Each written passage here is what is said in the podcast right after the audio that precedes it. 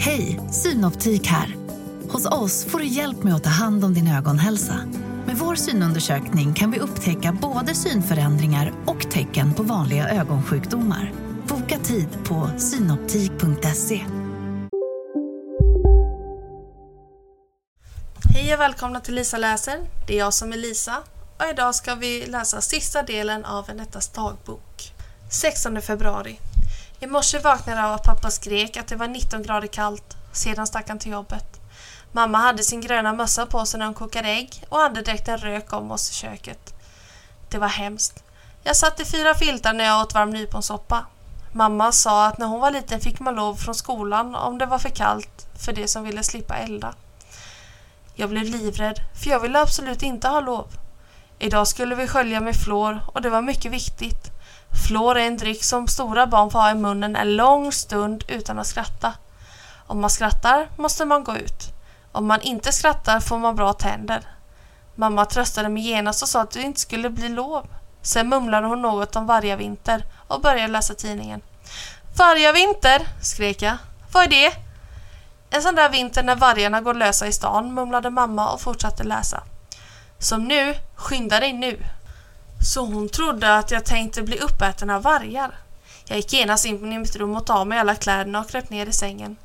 Där låg jag helt spikrak och väntade. Men det tog nog en kvart innan mamma kom och lika länge innan hon förklarat ordentligt att det var skoj med vargarna bara, så klädde jag på mig igen. Hon skrev en lapp om att jag var försenad för att vi hade försovit oss. Det slängde jag i en avloppsrum på gatan, för jag gillar inte lögnlappar. Skolgården var tom när jag kom, men precis när jag gick förbi Bamba kom vaktmästaren ut genom den grå dörren. Jaha, vad gör du på skolgården så här dags? röt han så det klack till i mig. Inget, sa jag. Fortsätt med det då, sa han och stirrade på mig. Men det roligaste var att han hade svart och vit målarfärg på sin spetsiga näsa. Det var snyggt. Jag låg vänligt. Du har en snygg näsa, sa jag och sprang det fortaste till klassrummet utan att vända mig om. De hade precis börjat skölja med flår, fröken också, så ingen kunde fråga varför jag var sen. 21 februari. Igår åkte Anna till Albin. Då brukar Plutten bo hos herr Modig som bor bredvid Domus där Anna arbetar. Herr Modig älskar alla sorters hundar. Men nu hade herr Modig blivit hund själv. Han hade fått en barnsjukdom så att alla höll på att skratta ihjäl sig på hans jobb. Herr Modig låg prickig i sin säng och prickiga Plutten fick bo hos oss istället. Jag tyckte det var spännande, men eh, det var jag ensam om. Plutten är världens tyngsta hund och om man ställer sig på min ena fot är den platt i 14 dagar sen. Och om man får för sig att han ska välta möbler så gör han det. Orglar och allting. Fast eh, det har han aldrig gjort. Med fåtöljer och köksbord och dubbelsängar och så. Sånt kraftsvältar han bara han sträcker ut ena tassen. Det konstiga med Plutten är att han inte bara är prickig på kroppen utan också på tungan. Det tycker alla är mystiskt. Jag frågade fyra gånger om jag fick gå ut med Plutten ensam och den fjärde gången fick jag. Plutten liksom först och jag hängde efter i luften. Jag tänkte vi skulle gå fram och tillbaka utanför vaktmästarnas hus. Så kunde jag låtsas att det var min egen farliga hund. Kanske jag kunde få Plutten att lägga en varm liten lort framför vaktmästarens grind. Men Plutten hade inte lust att gå åt det hållet så vi hamnade i parken istället. Där mötte vi min gamla lekisfröken Gertrud som var ute och fingick i sin rosa hatt. Hon är så snäll att jag kom på att jag kunde tjäna mig en krona. Hej Mimmi, sa Gertrud. Vad stor du har blivit. Hur trivs du i skolan? Men nu hade jag fått en så bra idé att jag inte hade tid med tramsprat. Det här är min mosters hund, sa jag. Om du ger mig 50 öre så kan du få se att han har en prickig tunga. Gertrud såg besviken ut. Hon tyckte nog att det var småaktigt av mig att hon inte fick se den gratis. Men hon fick fram en 50-öring ur handväskan i alla fall. Oj, vad det var svettigt att försöka få ut Pluttens tunga när han inte ville. Efter tio minuter måste jag ge upp för Gertrud skulle träffa sin fästman. Jag fick ge tillbaka 50-öringen. Jag är nog inte bra i affärer, det har min mamma sagt. Jag frågade Björns norska pappa om han ville se Pluttens prickiga tunga för 25 öre. Men Björns norska pappa sa att jag skulle gå hem och dra något gammalt över mig. Han visste inte hur rätt han hade. Så fort vi kom in välte Plutten mormors gamla hallbyrå över mig så jag blev inklämd och fastlåst. Där låg jag helt hjälplös bland lådor, dukar och små klädborstar i 14 dagar. Nej, jag skojar bara. Men en evighet var det i alla fall. Och Plutten slickade mig på benen. Nu passade det att visa tungan. En hund skulle jag inte vilja ha, men ett litet rosa marsvin. Fast jag har ju dig lilla mås. 3 mars. Idag hände något roligt i skolan. En massa småsvampar från förskolan kom på studiebesök för att se vad man gör i ettan. De var så små att de knappt syntes. En del stod bara och darrade. Ingenting visste de om skolan. De pratade högt och allting. Ändå var fröken jättebussig och gav dem varsin papper och varsin penna. På pappret fick de skriva sina namn och rita något. På pennan fick de ta hem sen och allting. Tur hade de också, för det var gulaschsoppa den dagen. Men alla åt inte upp fast man var tvungen. En liten flicka i rosa tröja såg jättesnäll ut. Hon hade fräknar och små tänder som pärlor. Hon hette Emma. Jag kanske hjälper henne när hon börjar skolan och går i tvåan. Jag kan visa henne var flicktoaletten är. Jag kunde kalla henne Lillan om hon gick med på det. Och om hon inte hade någon mamma eller pappa kunde hon få bo hos oss, i mitt rum till och med. Vi kunde ha en våningssäng och sen skulle jag säga till henne att vaktmästaren inte är farlig. Fast det vet jag förstås inte. Jag ska säga att han nog bara är arg utanpå. Nu kan jag inte skriva mer för jag måste tänka på allt det här innan jag somnar. 20 mars. Idag frågade fröken vad vi tänkte vi skulle bli när vi blev stora. Björn ska stå i en gottaffär och Rustan ska bli direktör i en skrotfabrik. Janna ska bli skeppsredare och jag ska bli simfröken eller hjärnkirurg. Fröken sa alltid att hon hade velat bli fröken. Just då gick rektorn förbi utanför fönstret och tittade in. Jag försökte tänka mig hur han såg ut som pojke. Kanske hade han en grön täckjacka och vantar som satt fast i säkerhetsnålarna i ärmarna. Det kanske rann under hans näsa, fast han hade säkert sådana glasögon som nu. Då kan Mimmi komma fram till tavlan och skriva upp namnet på det yrke Linda sa att hon ville bli, sa fröken. Och jag som inte hade hört på. Jag är väl inte dum som ett spån. Jag vet sen gammalt att Linda ska bli lokförare. Det gick jag fram och skrev. Fröken såg förvånad ut. Just då ringde det ut som tur var och vi rusade ut i korridoren. Mimmi kan inte stava till polis, ropade flera stycken när vi kom ut. Men utanför Bamba såg vaktmästaren och lastade kartonger. Björn stannade till. Ville du bli skolvaktmästare när du var liten? frågade han. Vaktmästaren stannade till mitt i ett kartonglyft och tittade långt bort. Små lyktor tändes i hans isblå ögon, men sen slocknade de igen. Ge er av och in och ät, annars rycker jag öronen av er, sa han. 25 mars. Idag när jag hämtade Roberta höll hon på att läsa om hjärtat. Det har hon i läxa till imorgon. När vi var ute och lekte sa hon att hjärtat är en pump som pumpar blod i kroppen. De flesta människor har rött blod, sa Roberta. Men hon och kungen och några till har blått blod. Det gör mig inget att mitt blod är rött. Men varför säger mitt hjärta pligg, pligg när jag ser den arga vaktmästaren? Jag blev varm i ansiktet när han sneddade över skolgården med en skratt på axeln. Jag tittar på hans griniga ansikte och jag tror att han känner igen mig. Om vi hoppar rep märks det inte när jag vevar. Men om jag hoppar själv, putte putte kock, tippar rätt, då hoppar jag fel. Om jag får syn på vaktmästaren. Benen trasslar sig som skruvmakaroner. Och nu ska jag berätta det underligaste. Fastän han har arga ögon, snipig näsa, elak sträckt mun, fladdriga byxor så tycker jag det är tråkigt när jag inte sett honom på en hel dag. Och nu har jag inte sett honom på flera dagar. Tänk om vaktmästaren har blivit sjuk och allt hans blod runnit ut. Jag undrar om det var rött eller blått. 6 april. Inte idag heller. Inte så mycket som skuggan av en vaktmästarkeps. Jag vet inte hur många gånger jag stirrat på hans gröna grind där det står förbjuden ingång för skolelever. Alla fönster ser tomma ut och en del hade svarta persienner. Tänk om man ligger död där inne och ingen bryr sig om det. Gamla människor som folk har glömt bort kan ligga och dö i sina lägenheter. Det har jag läst i en tidning. Jag grubblade hela dagen på det och i gymnastiken började jag gråta mitt när jag skulle hoppa kråka över en upp och nervänd bänk. Har du slagit dig? frågade fröken. Men då började jag storskratta så hon såg riktigt förvånad ut. Men när jag skrattade berodde det på någon som kom bärande på en halv plint och såg ilsken ut. Vaktmästaren, lilla söta vaktmästaren. Jag sprang fram till honom. Jag trodde att du var sjuk, sa jag. Jag har saknat dig så. Han tappade plinten. Den damp i golvet. Han böjde sig ner och tog upp den och stirrade på mig med sina isblå ögon. Har du saknat mig? sa han med sin skrikiga röst. Jag trodde du var död, sa jag. Du har inte synts till. Han tittade misstänksamt på mig. Jag har varit bortrest lite bara, sa han. hos min syster i Askersund och så gick han. 8 april.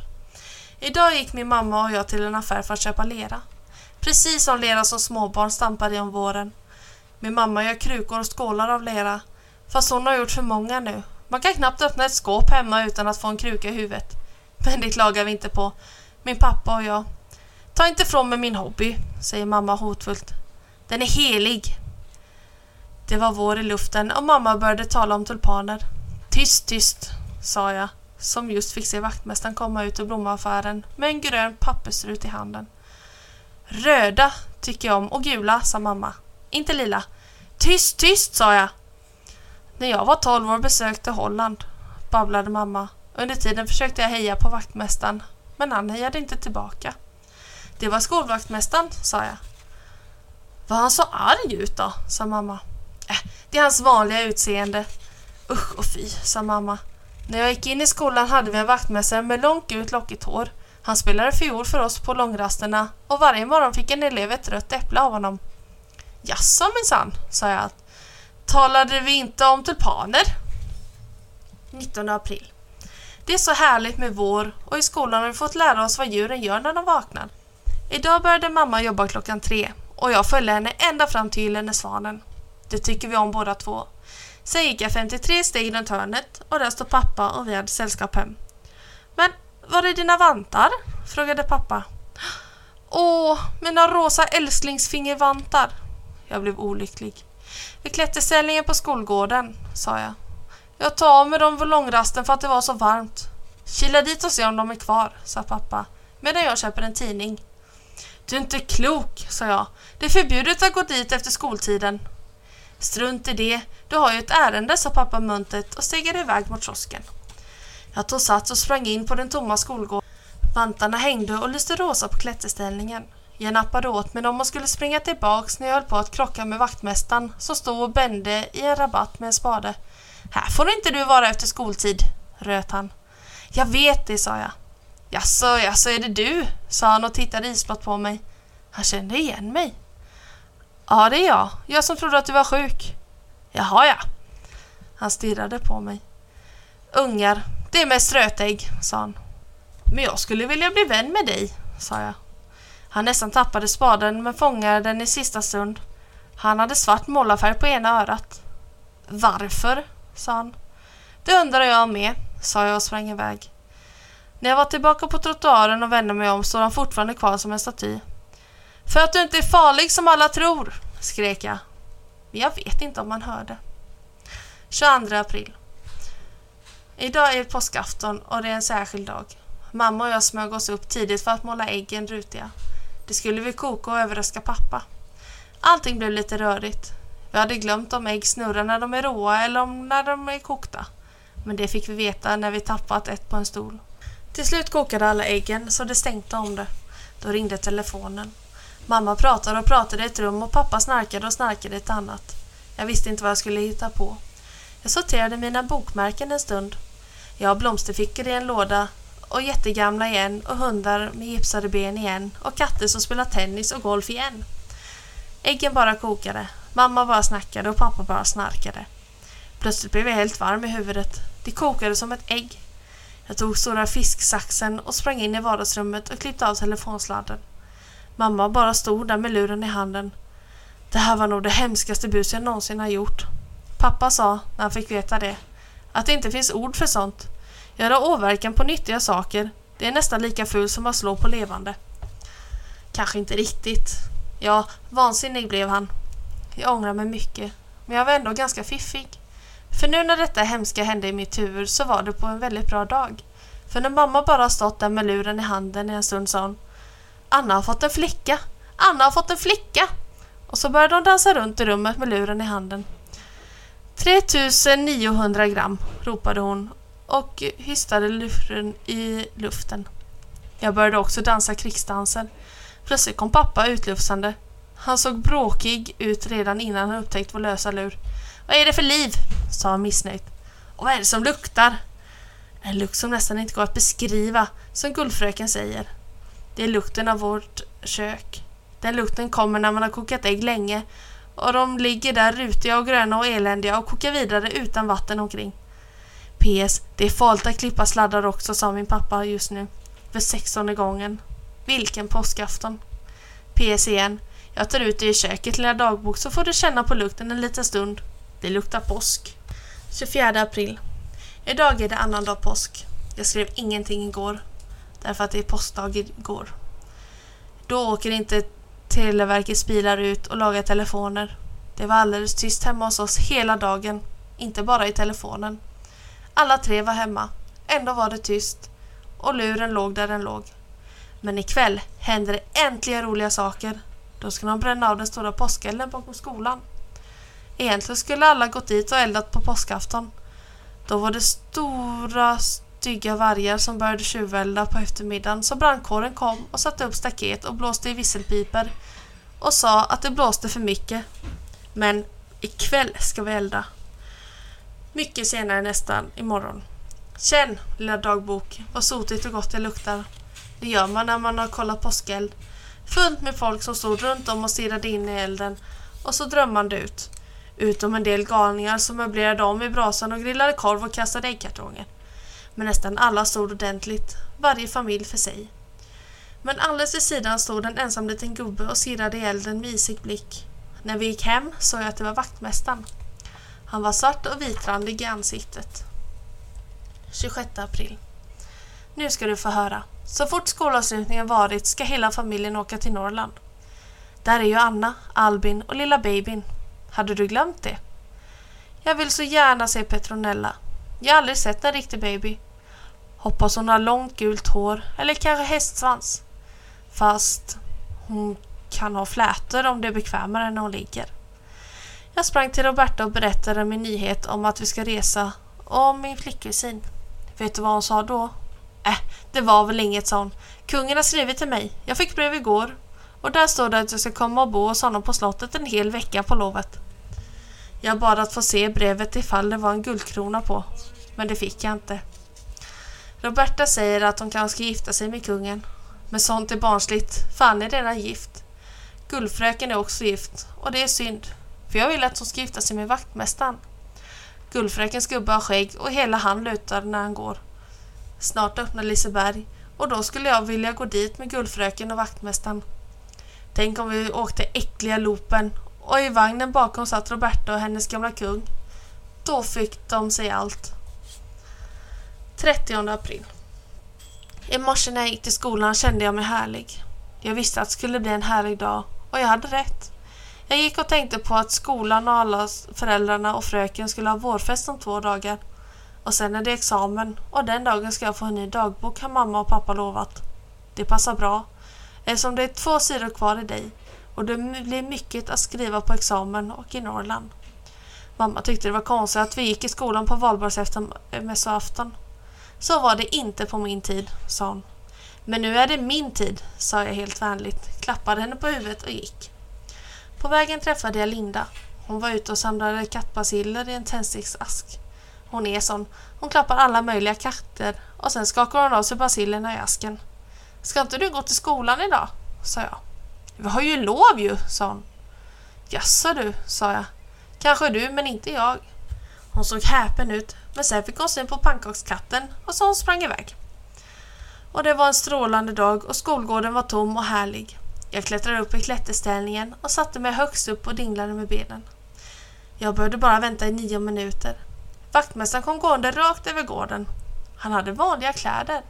Träskor och rutig skjorta och jeans och sånt. Han tittade upp på mig med isig blick och så sa han Det är lov idag. Jag vet det, sa jag. Vad gör du här då? Frågade han. Jag tänkte titta efter vad som finns innanför den gråa dörren, sa jag.